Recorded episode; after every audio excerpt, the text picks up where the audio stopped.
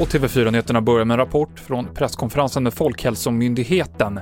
Två nya dödsfall rapporterats det senaste dygnet och det följer trenden som varit den senaste tiden, säger Anders Tegnell. Och även när det gäller svårt sjuka så är det få fall. Att kurvan med de som vi betecknar som allvarligt sjuka eh, börjar ligga väldigt nära noll, alltså det är ganska få inläggningar i sjukvården överhuvudtaget.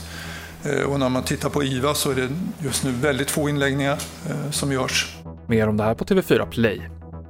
I Tyskland ser man oroliga för en andra våg av coronasmitta. Efter att smittspridningen sjunkit så lättade man på restriktioner, men nu så går den upp igen runt om i landet och chefen för det tyska smittskyddet påminner om att hålla avstånd, tvätta händerna och att i vissa situationer använda munskydd. I Stockholm så ska SL återuppta biljettkontrollerna i kollektivtrafiken igen efter att de pausats på grund av risken för smittspridning. Enligt SL så har tjuvåkandet ökat rejält under våren och sommaren och biljettkontrollerna ska nu enbart göras vid utpassering och på armlängds avstånd. TV4-nyheterna med Mikael Klintevall.